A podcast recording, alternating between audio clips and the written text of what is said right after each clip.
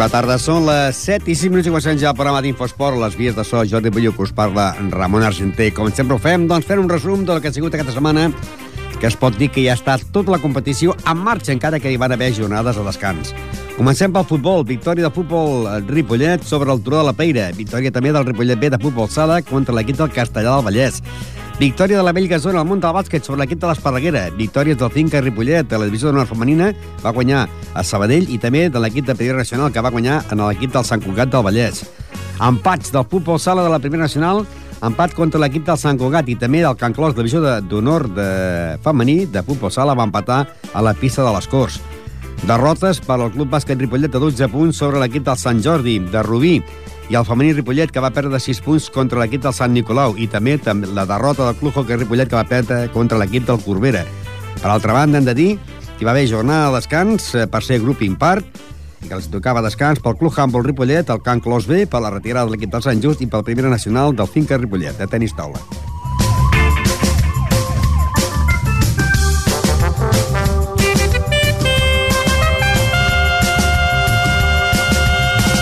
Doncs bé, els resultats van ser aquest cap de setmana el Ripollet que va guanyar 2 a 0 en el Turó de la Peira, partit que es va jugar a dos quarts de set de la tarda per la presentació dels equips del Ripollet. La Penya Bortilla Pajaril que va perdre a, la, a casa contra el Lliçà de Vall per 1 a 2. El Marina, que va guanyar en l'Escola Futbol Base de Ripollet per 1 a 0. I el Júnior, que va guanyar a l'Esdila per 9 a 0. A la món del Futbol Sala, Futbol Sala Ripollet 2, Sant Cugat 2. Ripollet B 5, Castellà 0 a la Monta Futbol Sala Femení, eh, les Corts 2, Can Clos 2 i l'equip de Can Clos B, que va tenir jornada de descans per la retirada del Sant Just, cosa que no es va jugar al partit. En el món del bàsquet, Club Bàsquet Ripollet 77, Sant Jordi de Rubí 89. La Vell Gasó va guanyar de 13 punts en l'equip de l'Esparreguera, 63 a 50. El femení Ripollet de bàsquet va perdre davant del Sant Nicolau per 58 a 64.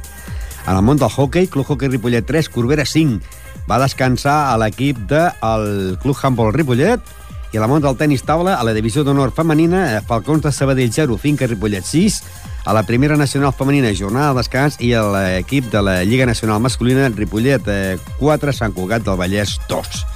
Això són els, tots els partits que es van disputar aquest cap de setmana i, com sempre, també farem un repàs, doncs, ara començarem ja el món del futbol, la victòria del club de futbol Ripollet que va guanyar sobre el Turó de la Peira 2 a 0 amb gols de Novo, el nou fitxatge del Ripollet, que ara li preguntarem al president doncs, com ha sigut aquest fitxatge del jugador, i Juan, que aconseguia el, el, el segon gol pel club de futbol Ripollet.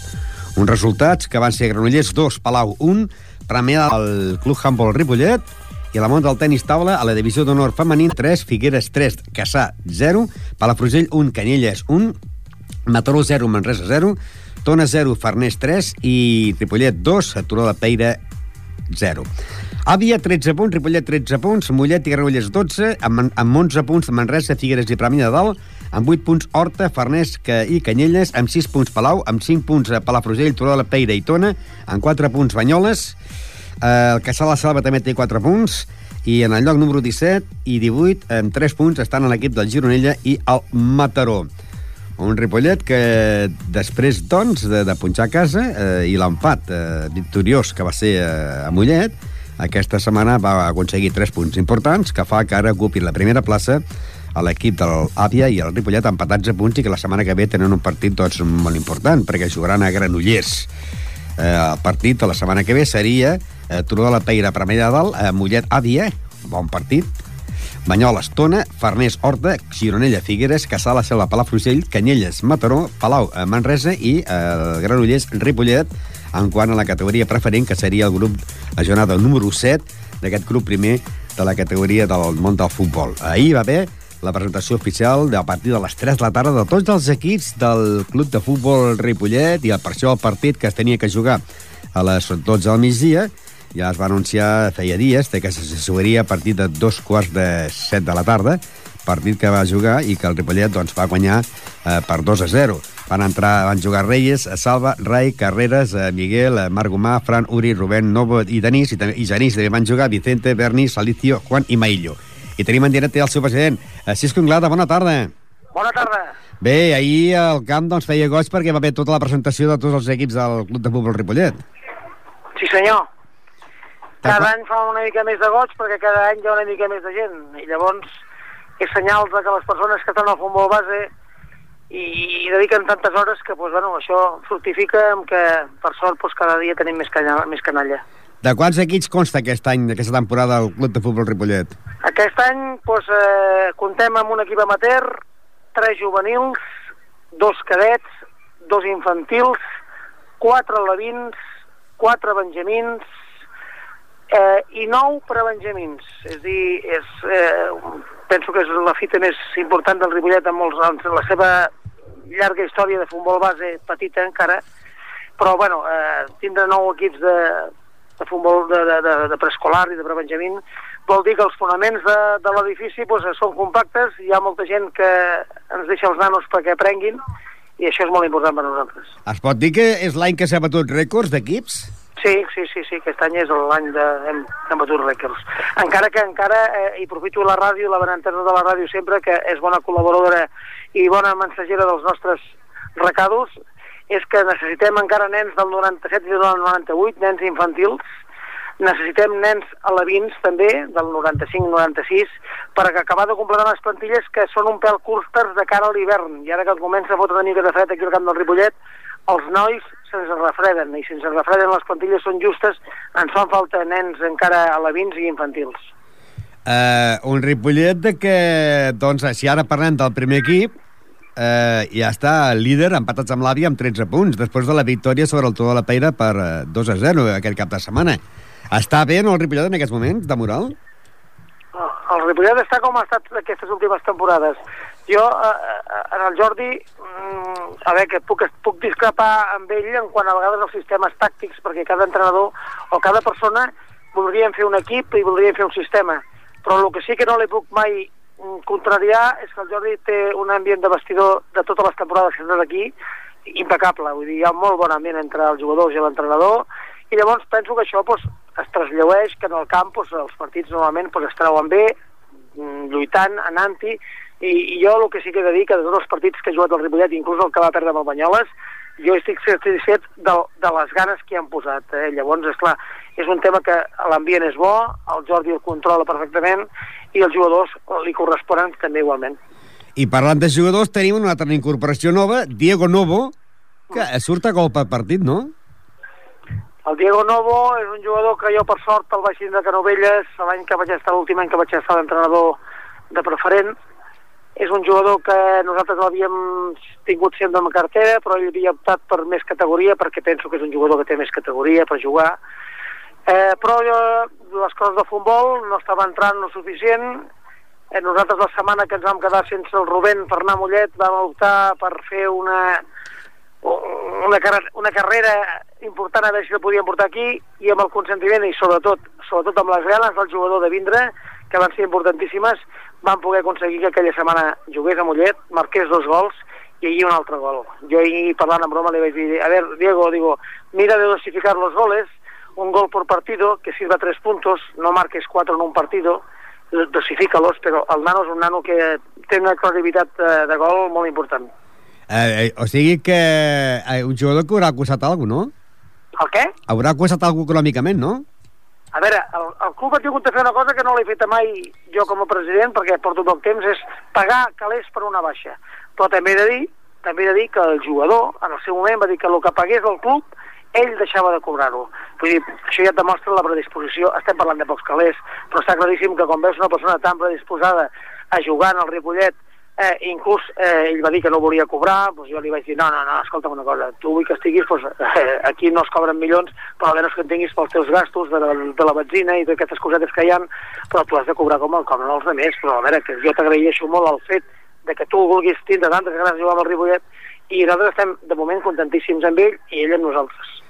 I això vol dir doncs, que ell tenia ganes de jugar amb el Ripollet, al pagar-se ell la baixa, que ell tenia moltes ganes de, de poder jugar ell amb el tenia Ripollet. moltes ganes perquè jo des de que sóc president fa el primer any que jo vaig estar vaig de ser entrenador a Canovelles i llavors vaig vindre aquí de president aquell any em vaig eh, posar una fita de, de no tocar cap jugador dels que havia tingut jo a Canovelles perquè Canovelles doncs, tot, per sort hi he estat cinc temporades d'entrenador alternatives eh, em coneix bastanta gent allà, i no volia que aquella temporada mateixa que jo acabava d'entrenador i venia de president, pues, eh, m'emportés mig equip del Canovelles, m'emportés entre cometes perquè els jugadors volien vindre, amb una paraula, no és perquè me'ls emportés, sinó que ells volien vindre. I jo els dir als jugadors que aquest any no podia fer-ho perquè jo em devia, primerament per educació i per ètica, a, a, la, a la Junta del Canovelles que s'havien comportat molt bé, jo amb ells i ells amb mi, i llavors no ho veia ètic que jo fitxés a jugadors del Canovelles aquella temporada. Però, malauradament, aquests jugadors van marxar del Canovelles per fitxar amb altres entitats de més categoria. I d'aquests jugadors doncs, ja han recuperat en en Rai, han recuperat en Novo, eh, llavors hem recuperat també en el, en el Salva, el Salva també el central que havia tingut jo, i llavors són jugadors que penso que en el Ripollet aportaran moltes coses. I de la cara de lo que resta de temporada, doncs, eh, tindrem a dos bons eh, golejadors, no? Un tàndem molt bo entre Ra Raül i... Ai, o sigui, eh, entre Rubén i Diego. Jo, això, això dels gols no ho dic mai perquè el, jo prometo que els gols són ratxes. Hi ha jugadors eh, professionals de molta èlite que quan els, la pilota no els hi vol entrar doncs no els hi entra. Tu estan sols davant de la porteria i toca la pilota al pal i surt. Són, són ratxes. El Robert ha tingut una ratxa molt bona, jo espero que la continuï, però a veure, no ens durarà tota la vida. Però està claríssim que ara tenim un recanvi. Jo la plantilla la veia mancada d'això, de que se solucionava el Rubén i no teníem cap home a gol, i llavors teníem d'intentar i per això vam fer aquest esforç. I l'esforç de moment, de moment ha sortit bé. I aquesta setmana Granollers-Ripollet, un bon partit, eh? Un dos com una catedral. Un dos, va, ja comencem amb un dos. Un dos, però com una catedral. Un Estic dos. convençut. I, I no ho dic jo, eh? Ho, ho, aquest matí jo, per sort, inclús he parlat amb el secretari tècnic del Granollers i ell, en paraules d'ell, no sé si per donar-me una mica de sabó, m'ha dit, tranquil·lo, Inglada, que no us ganaréis. Però, esclar, això, el Balló s'ha pensat que jo li dirien als meus jugadors eh, d'aquesta forma. Jo als meus jugadors li diré que el Granollers que el, que el Granollers ens vol guanyar i que ens ha dit que ens, ens en votaran 4 o 5. Vull dir, no els diré que el, jugador- que el secretari tècnic del Granollers ha dit que guanyaríem nosaltres. Que es piquin, que es piquin, oi? Exacte, no, que s'hi fotin amb el partit, com, com ho fan sempre, vull dir, Granollers, no sé si durant les temporades que hem estat preferent, no, ara ho dic de memòria, però farà que no han perdut mai. No, i a més a més han sigut uns partits molt disputats, eh, amb el Granollers. Sí, sí, sí, no, i és una entitat, és una entitat que a mi particularment m'agradaria que sigués dels equips que pugés de categoria, perquè el que busquem és això, amb el pujar de categoria, que siguin entitats que reflexin una mica doncs, la, la bona educació, eh, noms de, de, de ciutats que, no, que, no, que, que ja són molts anys de futbol i que salvant les distàncies amb els equips i amb tots els respectes amb un equip de barri doncs sempre eh, és, una altra, és una altra manera d'entendre les coses. I un altre partit molt important, Mollet-Àvia. Mollet Avià, sí. L'Avià. No sé si és Àvia o Avià, però No bueno. sé. D'on és aquest equip? Avià està abans d'entrar al túnel del Cadí, passat Val. Berga, a l'esquerra. Molt bé. És un poblet molt maco, molt petit, és un camp, eh, per dir-te la paraula concreta, jo t'ho diré molt fàcil, és un camp molt mal parit per guanyar allà. Si vas a l'hivern ho tens malament perquè allà fot un fred de, de, de l'hòstia. Capela. De capela i els jugadors surten una mica tontats i allà és un camp que jo com a entrenador i ni com a jugador he pogut guanyar mai. Eh, llavors, és, bueno, el diumenge ens interessa que empatin. Mollet hi havia que empatin i el, i el Ripollet que guanyi. I el Turó de la Peira, Premià de Dalt. Però la Pedra és un equip que, que és molt dur, vull dir, ahir ens va costar... Jo quan em van expulsar als 3 minuts el, el, el Joni, vaig dir, ens costarà igual que amb 11, perquè aquest equip és difícil amb 10 i amb 11. Es va tancar darrere. Tot, eh? Que es va tancar darrere. darrere. Ho posen tot i posen moltes ganes, un equip, eh, bueno, molt, molt, molt farragós, eh, molt incordiant, i llavors si l'àrbit no sap tallar el tema eh, se li pot anar, anar al partit de les mans perquè són nanos que estan acostumats a jugar en un ambient diferent, és un camp però el, el camp del, del, del Turó de la Peira és molt fotut, eh? jo penso que el, que el Turó de la Peira ja guanyarà. Uno. Ba Banyoles-Tona. Banyoles guanyarà, el Tona està amb un... jo em sap greu per el forcada aquest de l'entrenador que no me'l el conec, però el Tona ahir un 0-3, marca molt, el Banyoles un empat al camp del Bavià aquesta setmana els hi dona molta moral, volen guanyar un partit a casa perquè l'han de guanyar i penso que el diumenge tenen l'oportunitat de fer-ho. Farners-Horta. Farners sorprendent i a l'Horta també més sorprenent encara. L'Horta l'últim desplaçament va perdre el camp del Caçà i el Farners està en ratxa després d'un 0-3 fora. Jo penso que el Farners no deixarà perdre l'oportunitat de guanyar a casa. Gironella-Figueres. Complicat, complicat. El Gironella és un gran equip, eh, un, un gran equip i un dels pressupostos més alts de la categoria. Llavors, eh, eh, penso que han de guanyar un partit. I el diumenge, tot i que el Figueres és un equip dels que compta per pujar, jo penso que el Gironella donarà la sorpresa i guanyarà el diumenge. Caçà, Palafrugell. Un dos. Jo vaig dir al seu moment que el Caçà no guanyaria cap partit. I no perquè, a veure, per mi tenen el, un dels millors entrenadors de la categoria, que és en Pep Mercader, i, i llavors, eh, però és un equip fet eh, amb nanos de segona regional que, que difícilment, a veure, quan agafen l'aire, el dia de l'Horta van agafar l'aire del partit i van guanyar. Però jo com vam guanyar allà vaig vaticinar que en aquell camp puntuaria molta gent i no voldria tornar a enrere del Teba. Jo penso que serà un dos. Continuem. Eh, Canyelles, Mataró. Pues un 1, Uh, sense pal·liatius. I Palau, Manresa, eh? Difícil partit. Manresa està aquí dalt. Ens, ens convé un empat. Un empat, molt bé. Bueno, ja hem dit abans, doncs, Granollers, Ripollet, un 2. Sí, Això sí. Bueno, doncs, eh, moltes gràcies, Cisco. Felicitats per tota la presentació d'ahir de tots aquests equips. Moltes gràcies I que- i, ho d'estar bé per la col·laboració que sempre feu amb, el- amb l'esport nostre i esperem que puguem continuar molts anys d'aquesta manera. Així m'agrada. Doncs bé, i sort i que el dilluns puguem dir que el Ripollet ha guanyat el camp de Granollers. A veure si és veritat. Vinga. Les paraules de Cisco Inglada, president del Club de Futbol Ripollet, que han parlat amb ell perquè ahir doncs, hi havia la presentació oficial del Club de Futbol Ripollet i ja heu sentit la quantitat i quantitat de nens, i encara en falten més nens, demanen més nens per als diferents equips que puguin jugar en aquesta categoria, de qualsevol categoria del món del futbol. I parlant de futbol, doncs anem en el, amb la penya deportiva Pajaril, que doncs eh, va perdre a casa, va perdre a casa davant del Lliçà de Vall 1 a 2. L'únic gol de la penya el va marcar el jugador Claudio. Sabadellenca 2, a Bellavista 3, eh, Parets 0, Cardeu 3, l'Ametlla 2, Santa Eulàlia 1, Pitres 3, Sant Esteve 1, el- la Torreta 2, Palau Tordera 1, Vilamajor 3, Montmeló 3, Sant Joan de Montcada, Serranyola, partit suspès, Vallès 0, Martorelles 1, Primer victòria del Martorelles, primera victòria, i eh, Penya Partida Pajaril 1, eh, Lliçà de Vall 2, eh, l'únic gol de la Penya marcat pel jugador Claudio.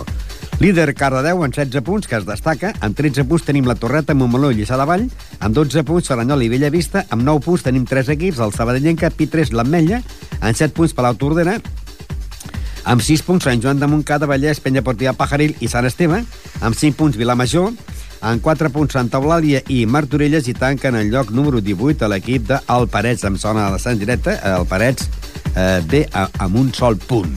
I la setmana que ve la Penya té un patent difícil a jugar contra l'equip del Sabadellenca, un Sabadellenca que aquesta setmana doncs, eh, jugarà contra la Penya. I tenem ja en directe a José Antonio Torres. Buenas tardes. Sí, hola, buenas tardes. Buenas tardes. Bueno, ¿qué pasó el sábado 1 a 2 frente a Lliçà de Vall?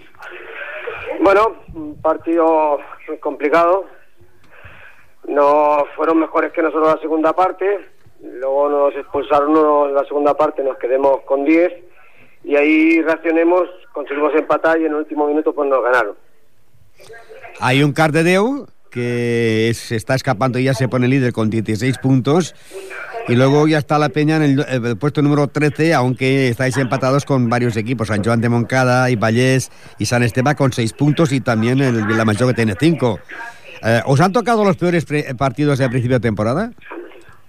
Pues sí, en principio creo que sí. Yo creo que ahora nos, nos tocan otros dos de los equipos que creo o creemos que pueden estar arriba, que serían el, la Sabidenca y el Milán. Serían otros dos equipos más que estarían de los que estarían luchando en la parte de arriba. ¿El Cardedeu será el, el equipo revelación?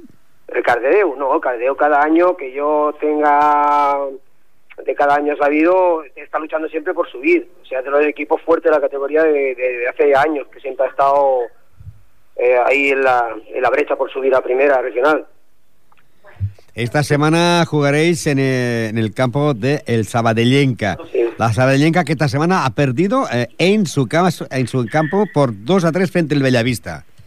Sí, ya te he dicho que eran dos de los equipos que, que teóricamente tienen que estar ahí arriba por- luchando por, por subir este año, tanto la Sabidenca como por lo que hemos visto, porque nosotros cada semana, cuando jugamos en casa el sábado, el domingo vamos a casa de Sabidenca a verlo, porque el equipo que dejan ellos lo cogemos nosotros, El equipo que deja él, la Sabidenca. ah, por lo tanto la semana que viene eh, jugarías con el Bellavista en casa. Efectivamente, se jugamos la Sabidenca esta semana y luego viene el Bellavista a casa. La Sabadellenca será puesto próximo rival y ocupa la plaza número 7 con 9 puntos, mientras que el Bellavista pues es puesto número 6 con 12 puntos. Dos equipos que están ahí arriba conjuntamente con la Torreta, Montmeló y Lisa de Vall, que con la victoria de este sábado pues se ha puesto cuarto lugar en 13 puntos. ¿Qué le falta a la Peña para marcar goles?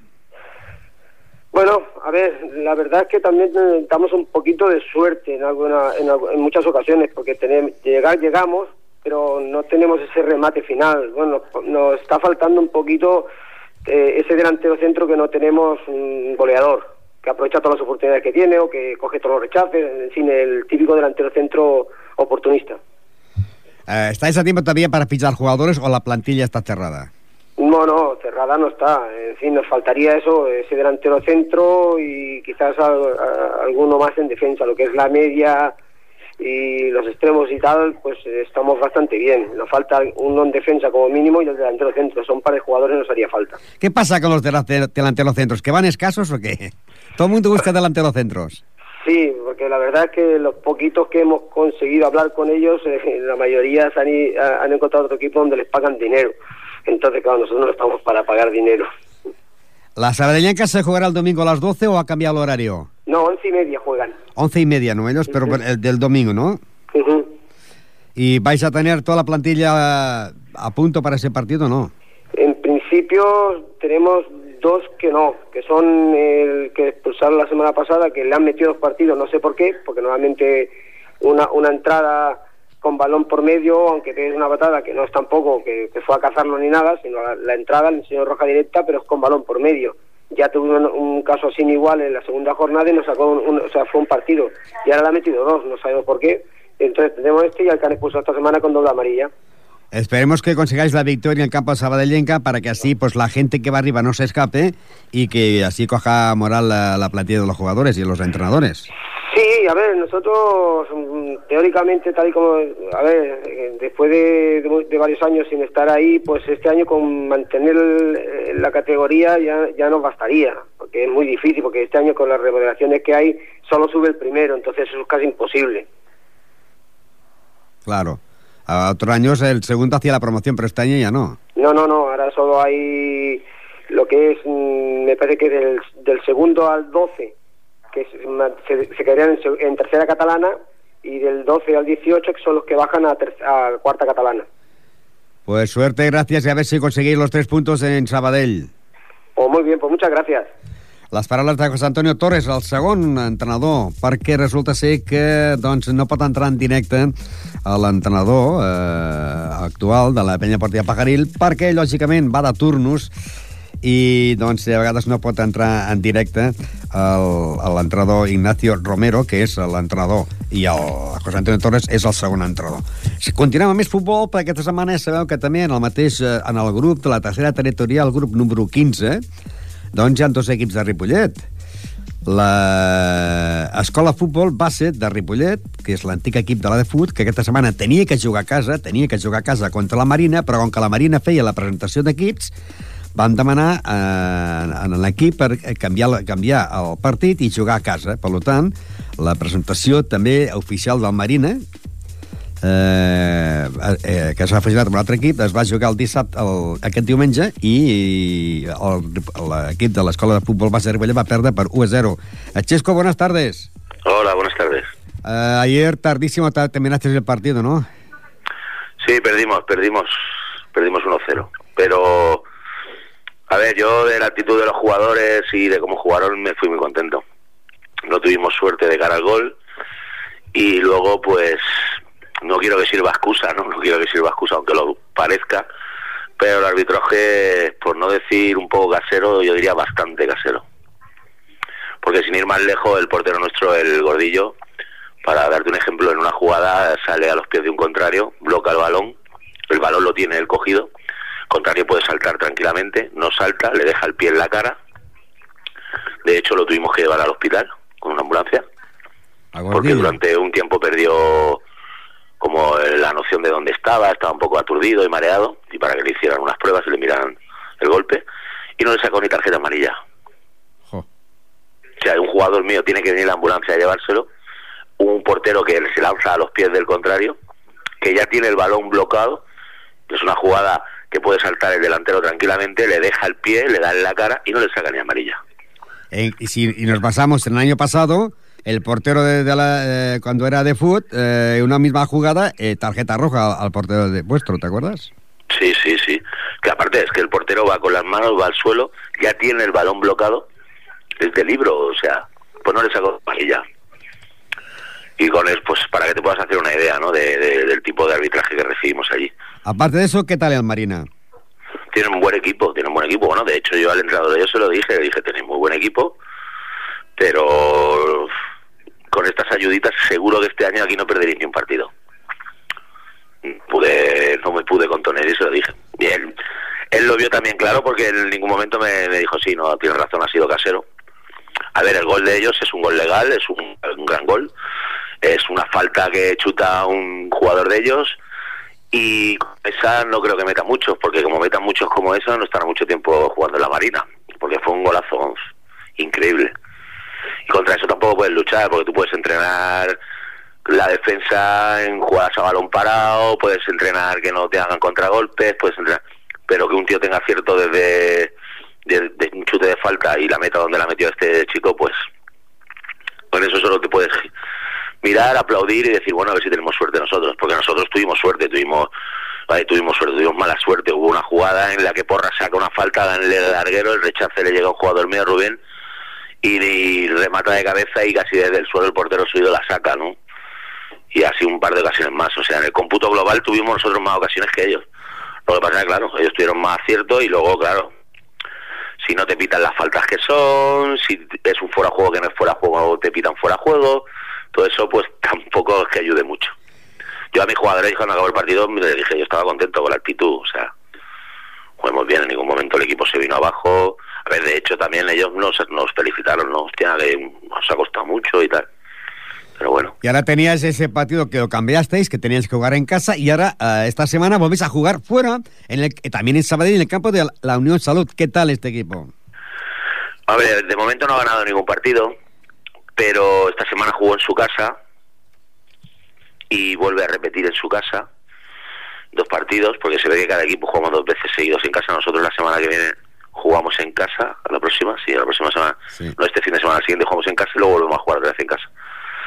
Eh, no, no, ha ganado todavía ningún partido, pero en casa es, cuesta ganarle, porque es un campo que es muy pequeño, de tierra, está allí metido en un hoyo, la gente de la barriada de la salud aprieta mucho, y entonces si no te pones delante en el marcador con un poquito de contundencia, un 2-0, un 3-0, que ellos bajen un poco los brazos, se te puede complicar la cosa. ¿Y para ese partido, si no... para ese partido tendrás ya al portero o no? Dime, Ramón. Que si para ese partido recuperarás al portero, a Gordillo. Sí, sí, sí, sí. Ayer, de hecho, a las 2 de la mañana ya llegó a casa él. O sea... Lo tuvieron en observación debido al golpe en la cabeza y sobre las 2 de la mañana llegó a su casa. Esta mañana he vuelto a llamarlo por teléfono a ver cómo se encontraba y me ha dicho que bien, no, no ha pasado mala noche. El, el, su, cabeza, el, el susto, el susto, ¿no? Sí, el, el golpe, el golpe. Yo creo que se le va a curar el susto si el domingo puntuáis y ganáis en, en la Unión Salud.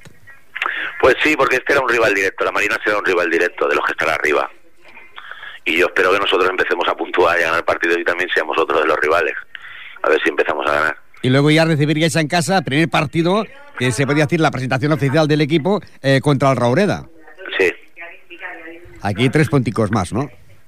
Bueno, bueno, los partidos hay que jugarlos, Ramón. De primero vamos por el partido del domingo con la salud, vamos a intentar resolverlo, ganar bien y luego ya vendrá la Robreda. Vamos paso a paso porque la realidad es la que es, llevamos dos partidos y tenemos un punto. De acuerdo que han sido contra dos equipos de los que en teoría estarán peleando también allá arriba, en el grupo ese de cinco o seis equipos, que supongo yo que estarán allá arriba, y uno fue un empate y esta semana como mínimo teníamos que sacar un empate, como mínimo. Pero no lo hemos sacado y la realidad es la que es, tenemos un punto. O sea, Suerte. hay que ir sumando de tres en tres. Gràcies. Suerte. Les Hello. paraules de Xesco, entrenador de l'equip de l'Escola de Futbol Base de Ripollet. I també en el mateix grup hi ha l'equip de l'Estila, que jugava també a la tarda, una mala hora va dir el seu entrenador, eh, Rubén, que, doncs, que no li agradava jugar a aquestes hores. Doncs bé, van jugar al camp del júnior, un equip que comença molt bé la temporada i que es va desinflant i va perdre a l'Estila per 9 a 0. 9 a 0. Anem a intentar posar-nos en contacte amb el seu entrenador, Rubén Marín. Aquest partit es va jugar diumenge a les 4 de la tarda. Júnior 9, Esdila 0. Partit corresponent a la jornada número 2 del campionat de Lliga de tercera categoria territorial. Eh, un partit, doncs, eh, que va acabar amb col·legiada. Rubén Marín, buenas tardes. Buenas tardes. ¿Qué pasó en el campo del Junior? Pues, bueno, bastantes cosas en contra, la verdad. El portero se nos lesiona en el primer gol, luego sale el portero, bueno, bastantes cosas. Eh, el equipo estaba un poco, no sé, raro, no sé si por jugar el domingo por la tarde, cosas del sábado, demasiadas cosas en contra. Y aparte el equipo rival, bueno, hay que decir que juega mu- mucho y muy bien. Ya te digo que es un equipo que empieza la liga muy fuerte, muy fuerte, muy fuerte, y luego que se va deshinchando ese equipo del, del, Junior. A ver, aguantamos hasta el minuto 25-28 que nos metieron el primer gol. En la primera ocasión que tuvieron, nosotros antes dimos un palo y nada, la media parte de 2-0 y luego ya nos vinimos abajo. Eh, los chavales, moralmente y aparte que físicamente aún no estamos a tope. Y bueno, entre, anímicamente empieza abajo y ya no te importa nada, pues viene lo que viene, la goleada que nos metieron. Ahora, esta semana ya tenéis un equipo como es la Fundación, que otras temporadas le habe- habéis ganado. Bueno, tú no estabas, pero algún jugador sí que ha jugado con ese equipo y, y- y- y ese partido del sábado a las 4 de la tarde contra la Fundación, aquí podéis sacar Sí. los tres puntos, ¿no? Hombre, mi idea es ya conseguir los tres puntos. Primero porque tenemos que puntuar sí o sí. Y segundo porque es en casa y tenemos que hacernos más fuertes. Eh, tenemos que ver también algunos jugadores que acabaron tocados el sábado, que tuvimos que cambiarlos a media parte, a ver si podemos contar con ellos. Y bueno, vamos a ver si esta semana nos gustaría sumar, sí, la verdad que sí. Porque para ese partido, eh, ¿tienes algún lesionado que no pueda jugar? Bueno, eh, los dos, eh, el central, uno de los centrales titulares que tuve está, bueno, acabó el, el partido a media parte por lesión. Luego, pues tenía un jugador tampoco que no pudo venir, está bastante tocado y bueno, mm, los resfriados típicos ahora que bajan, no pueden venir a entrenar a lo mejor el jueves y yo el, el domingo aún arrastran y no están físicamente bien. Vamos a ver esta semana cómo, cómo estamos todos. Porque ahora tendrás por dos partidos eh, este sábado frente a la Fundación y luego irías al campo ya del, del Vallès, un equipo que también está por la parte de abajo y que casi siempre eh, la temporada anterior también hiciste buenos resultados con ese equipo. Bueno, la idea mínimo mínimo es sumar cuatro puntos de los seis siguientes. Eh, yo creo que intentaremos trabajar ya más o menos con la plantilla medio cerrada, que aún no la tenemos, ese es el gran problema que tenemos esta temporada aún, que aún estamos entrenando con 26, 28 jugadores y luego pues es, es complicado. Primero porque el Dila solo solo tiene medio campo para jugar, para entrenar y es bastante complicado meter 28 personas en medio campo Claro. y luego hacer cosas tácticamente en medio campo es muy difícil también. Pues gracias Rubén, suerte y a ver si esta semana que se consigan los tres primeros puntos aquí frente a la Fundación. Muchas gracias. Les paraules de Rubén Marín, entrenador doncs, de l'equip de l'Esdila, que aquesta setmana jugarien Unió Salut eh, Sabadell davant de l'Escola Futbol Base de Ripollet i l'Esdila contra la Fundació. I ara anirem ja al món del futbol sala. Futbol sala. Futbol sala. Futbol.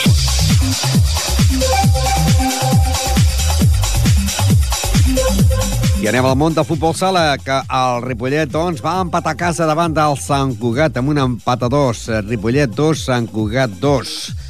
Varen marcar per part de...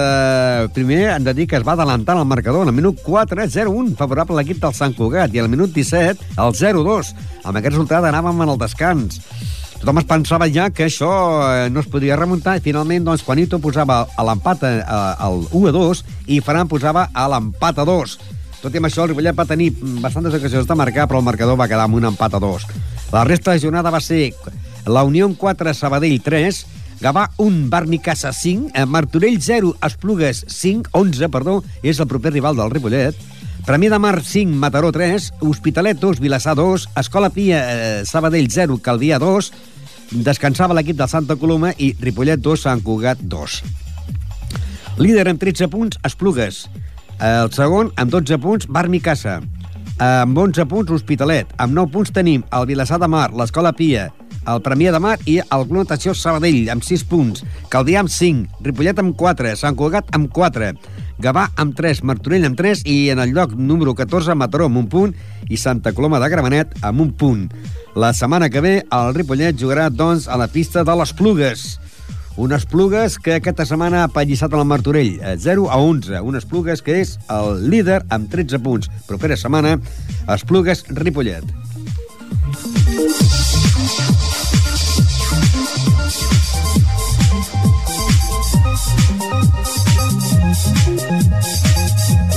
I seguim amb més futbol sala perquè abans d'aquest partit es va jugar el partit la categoria preferent amb el Ripollet B que va guanyar 5 a 0 al Castellà amb un gol de Sergio Sánchez, dos de Marc Álvarez, un de Xavi Cejuela i un de Marc. Ripollet 5, Castellà 0. El líder és la Lilla amb 9 punts seguit al Censur amb 6 i també estan amb 6 punts Ripollet D, el Llagostense, el Sant Just i el CRC. Amb 5 punts al xarxa. El Castellà té 3 punts, les Plugues 3, Cervelló 3, Sant, Coloí 3, Viladecans 2, Cornellà i Sporting Prat 1 i tanca el Bruc amb 0 punts ja que hi ha un equip que es va retirar, que és l'equip del Castelldefels, per tant, eh, el grup ha quedat impar. Això pel que fa a la categoria preferent, que la setmana que ve el Ripollet B jugaria a la pista del Sant Just, un Sant Just que ocupa la plaça número 5 amb 6 punts, un Sant Just que aquesta setmana ha guanyat a la pista de l'Sporting Prat per 5 a 7. I quan entrem a més futbol sala, perquè també va començar la Lliga de Futbol Sala eh, de la Divisió d'Honor Catalana del grup primer entra a l'equip de les Corts i el Can Clos. El resultat va ser de Joventut Les Corts 2, Can Clos 2, empat a 2, amb gols de Carmen i Maria Àngels, Maria Àngeles Gómez. Carmen Quirós i Van Àngeles Gómez són les autores dels dos gols d'aquest empat que va aconseguir a l'equip del Joventut Les Corts contra el Can Clos. Empat a 2. L'Escola Pia va perdre casa davant del Sant Cugat 1 a 2 i el Mataró va perdre contra Alcaldes per 1 a 12. També hem de dir que la propera setmana eh, al 5 de la tarda jugarien aquí a Ripollet, seria la presentació oficial de l'equip del Can Clos, que jugaria contra l'equip del Mataró, Can Clos Mataró. I pel que fa a l'equip del Can Clos B, també hem de dir que ha començat la Lliga, eh, hi ha diversos partits ajornats, eh, Sant Andreu, eh, Arenys de Munt ajornat, eh, les Corts 4, Sant Pedor 2, Mistral 2, Centelles 3, eh, s'ha retirat a l'equip de Vallseca, per tant va tenir jornada de descans a l'equip del Teià i també el Can Clos B va tenir jornada de descans per la retirada del Sant Just. El calendari no s'ha tocat i tots els equips que juguin contra el Vallseca tindran jornada de descans i tots els equips que, que juguin contra el Sant Just tindran jornada de descans. I el diumenge que ve, aquest petit es tenia que jugar aquí a casa, Can Clos, ve eh, Sant Just, que seria el diumenge a les 10 del matí. I ara, la setmana que ve, dissabte a partir de dos quarts de vuit, doncs la Can Clos B eh, haurà de jugar a la pista del Centelles.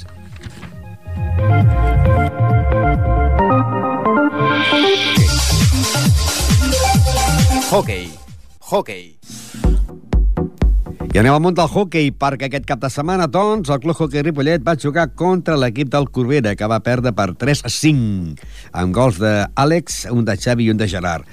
Al minut 2, 0-1, favorable a l'equip del Corbera. Al minut 3, penal, 0-2, eh, gol de penal i 0-2 pel Corbera. I al minut 10, 0-3, i amb aquest resultat anàvem al descans. Al minut 8, Àlex posava l'1-3, al minut 13 eh, venia l'1-4, al minut 16, Xavi Díaz posava, posava el 2-4, al minut 23, Gerard posava el 3-4 i finalment al minut 24 venia el 3-5 quan estava a punt d'arribar a l'empat favorable pel Ripollet, eh, que jo crec que si hagués empatat que hagués aconseguit la victòria perquè estava jugant bastant bé, doncs a més de venir l'empat va venir al minut 24, eh, a un minut final, el, el 3 a 5 i quasi, quasi per encara difícil poder reaccionar. La resta de partits varen ser Vilassar 7, Martino 2, Congrés 6, Cornellà 5, eh, Perpetuenc 9, Voltregà 8, Arenys 6, Centella 6 i Ripollet eh, 3, Corbera 5. Líder Riu de Villes amb 12 punts, els mateixos que el Vilassar de Mar. Corbera amb 10, Ripollet amb 6, Congrés amb 6, Perpetuenc amb 6, Arenys de Mar amb 5. En 4 punts tenim el Centelles i el Cornellà. En 3 punts el Castellà i el Premià de Mar. Canet de Mar té un punt i amb, amb 0 punts el Bartino i el Masies Voltregà, que són els dos equips que van últim a la Lliga. La propera setmana eh, el Ripollet jugaria a la pista dels Centelles, un Centelles que en aquests moments doncs, va empatar la pista de l'Arenys.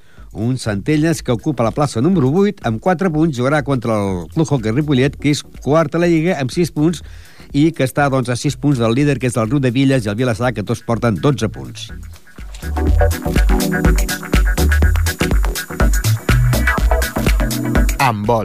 Amb vol. I també aquest cap de setmana va començar la Lliga de Handball amb aquests resultats. Agramunt 25, Igualada eh, 15, Oar Gràcia 23, Sant Ot 23, Sant Miquel 24, Cerdanyola eh, 20 i Pardinyes 29, Sants 24. Varen descansar el Sant Pedor i el Ripollet. Cada setmana descansen dos equips. Amb dos punts tenim a l'Agramunt i el Sant Miquel, el Pardinyes, tots amb dos punts, i el Sanot amb un, el Ovar Gràcia amb un, i la resta estan en zero punts, i que la setmana que ve, doncs, eh, debutaria al Ripollet i seria el dissabte eh, a la pista del Sant Pedor, un Sant Pedor que aquesta setmana ha tingut, doncs, jornada de descans. Parlant del handball, aquest divendres tindrem en directe el seu president, Albert Jordana, que parlarem, doncs, d'aquesta nova competició que comença. Va començar aquesta setmana, però que va començar descansant per l'equip del Club Handball Ripollet.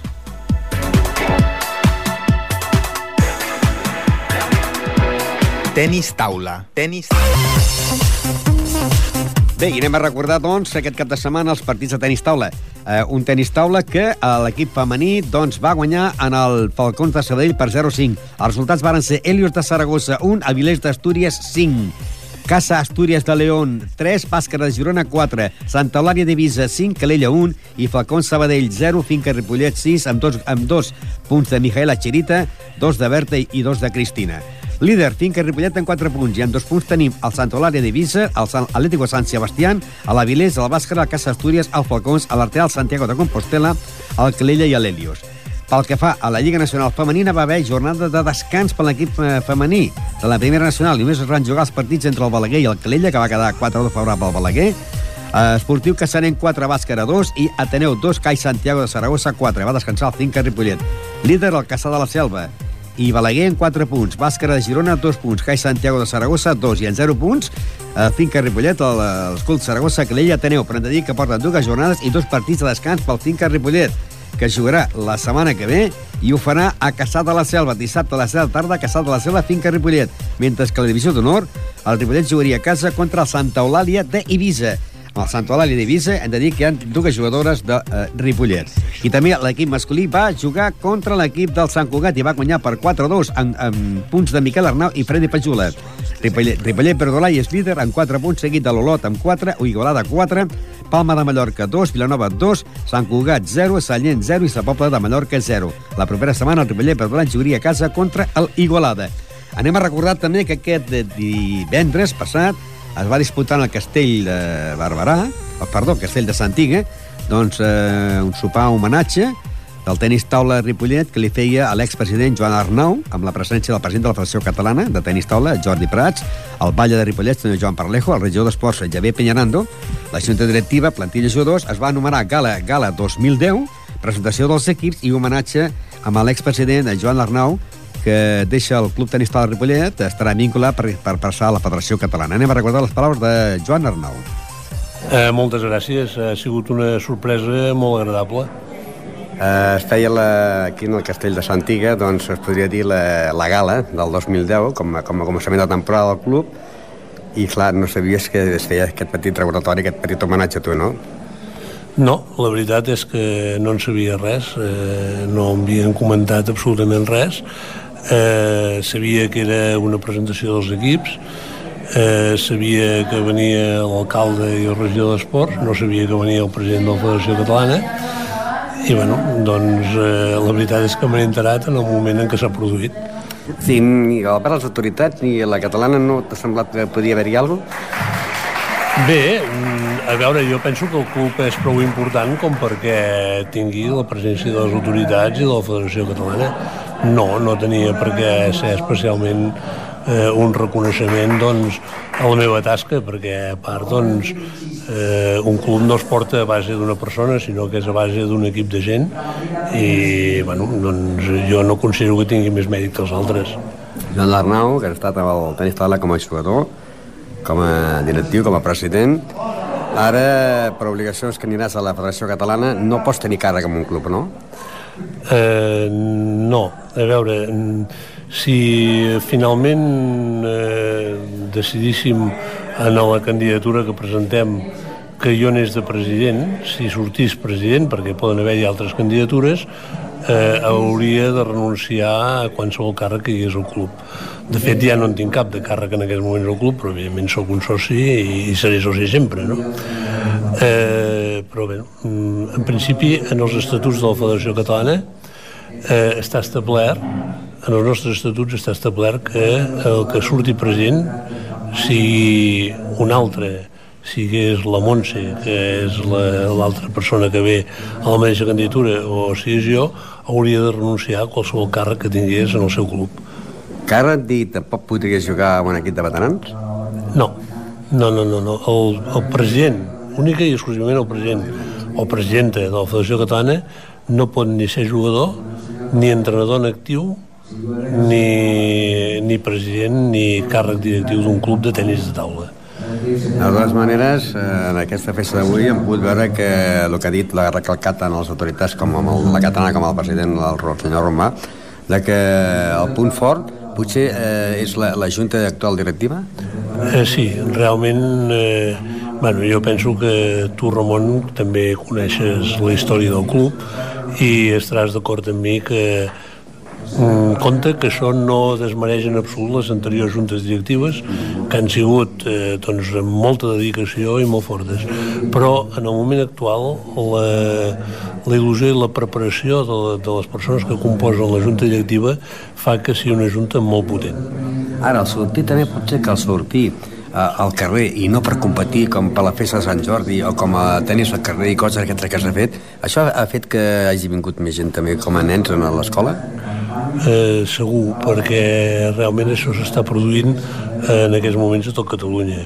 Eh, tant el tema del tenis taula al carrer com el tema del mini ping-pong que nosaltres doncs, ja fa més de 10 anys que, que el portem a diferents ajuntaments i poblacions de Catalunya com per exemple la participació del club en les festes de, de Ripollet, el fet d'estar present al carrer, jo crec que és una cosa essencial, essencial, essencial per realment eh, fer més present el club a la població, fer-lo més proper i aconseguir doncs, que la gent se n'adongui que aquí té una opció d'esport seriós i, i competitiu també, o també, si no vol ser competitiu, doncs eh, en plan de lleure eh, que li ofereix, jo crec, una qualitat eh, molt important per poder doncs, desenvolupar el que li agradi. Com a membre de la Catana, què demanaries a la gent de Ripollet que estimi el tenis taula? Bé, eh, jo que demanaria que continuïn posant eh, la mateixa dedicació, la mateixa afició i tenir fe en les capacitats del club, que són moltes i molt grans. La propera entrevista podria dir senyor president de la Federació Catalana? Bé, eh, est estaven comentant aquí que, que no volem dir-ho i és que no és que no ho vulguem dir, és que no ho sabem encara. Dels dos qui eh, anirà com a, com a president i qui anirà com a vicepresident? Encara ho hem de decidir, vam pactar de decidir-ho en l'últim moment eh? aleshores això suposant que no hi hagi una altra candidatura perquè a veure, en unes eleccions lliures i democràtiques lògicament eh, mentre no es tanqui el termini de presentació de candidatures doncs la cosa està oberta.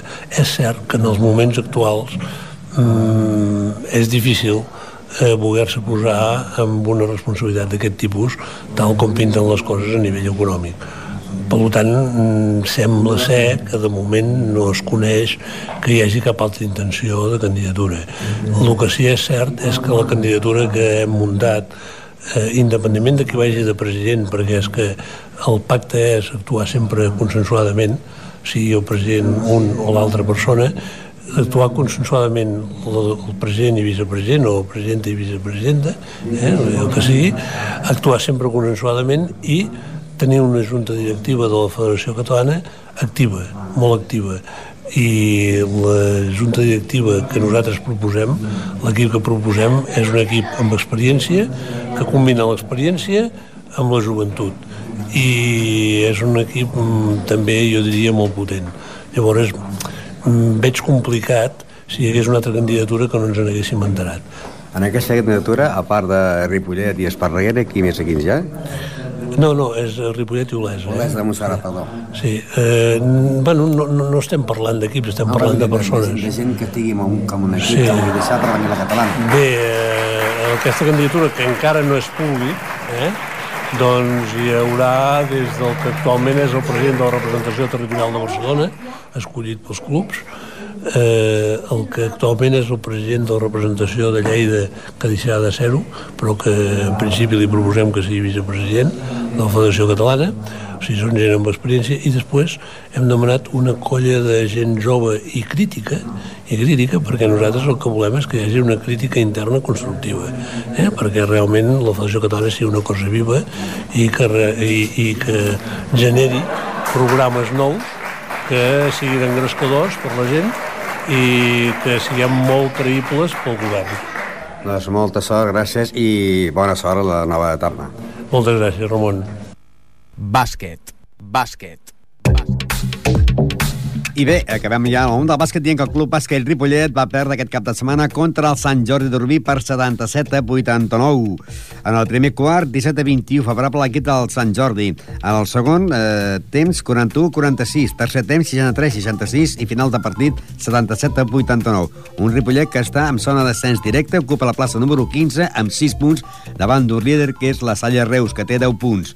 La propera setmana el Ripollet jugaria a dos quarts de 8 del vespre contra l'equip de el Morell. Un Morell que aquesta setmana ha perdut en la pista de l'Esferi de Terrassa per 71 a 57 i un Morell que està per sobre el Ripollet. Tots dos empatats a 6 punts, un al lloc número 14 i un al lloc número 15. El partit entre el Morell i el Ripollet, doncs, un partit d'aquells que farà eh, afició i esperem que la victòria del Club Bàsquet Ripollet per intentar marxar d'aquests llocs que seria el descens directe, perquè en aquests moments baixarien directe Ripollet, Salou i promocionarien Morell, Gavà, eh, eh, Cerdanyola i Vilanova i la Geltrú. Pel que fa al món del bàsquet eh, de la tercera territorial, victòria del Club Bàsquet Gasó, la Vell Gasó, que va guanyant a l'Esparreguera per 63 a 50. La Vell Gasó ocupa la plaça número 7 amb 5 punts. El líder és el Martorelles, que en té 8. La propera setmana es jugaran a la pista del Santa Perpètua. Santa Perpètua, la Vell Gasó. El Santa Perpètua ocupa la plaça número 15 amb 4 punts. La Vell Gasó en el lloc número eh, 7 amb 5. Un Santa Perpètua que aquesta setmana doncs, va perdre en la pista del Setmanat per 62 a 46. I pel que fa al bàsquet femení, derrota també del Club Bàsquet Femení, que va perdre a casa contra l'equip del Sant Nicolau per 58 a 64. El líder d'aquesta competició femenina és el Cornellà, que té 8 punts, el mateix que el Llefià, que en té 8. El bàsquet femení Ripollet ocupa plaça número 11 amb 5 punts. La setmana que ve jugaria la pista del Tecla Sala. Un Tecla Sala que aquesta setmana va guanyant a la pista de l'Esparreguera per 38 a 63. Un Tecla Sala que ocupa la plaça número 6 amb 6 punts i un Ripollet que ocupa la plaça número 11 amb 5 punts. I estem parlant del bàsquet femení que seria per la propera eh, setmana. I per acabar hem de dir que també es va disputar aquest cap de setmana un partit que havia aplaçat de tennis entre la Pobla de Claramunt i el tennis Ripollet. Eh, va guanyar el Ripollet a la Pobla de Claramunt per 0 a 5, 0 a 5, amb un punt d'Ivan Parlejo, un punt d'Àlex Moya, un punt d'Albert Alberola, un punt de Fran Ruiz i un altre punt en el partit de dobles. La setmana que ve eh, jugarien en la pista, eh, tindrien jornada de descans i jugarien el dia 30 contra l'hispano-francès pel que fa als jugadors de més de 18 anys i que pel que fa a la categoria de primera divisió per jugadors de més de 40 anys, la propera setmana seria la jornada número 2 i el tenis Ripollet s'enfrontaria al Sant Sanoní Tanoia. Divendres tindrem en directe el Club Handball Ripollet. Adéu-siau i bona tarda.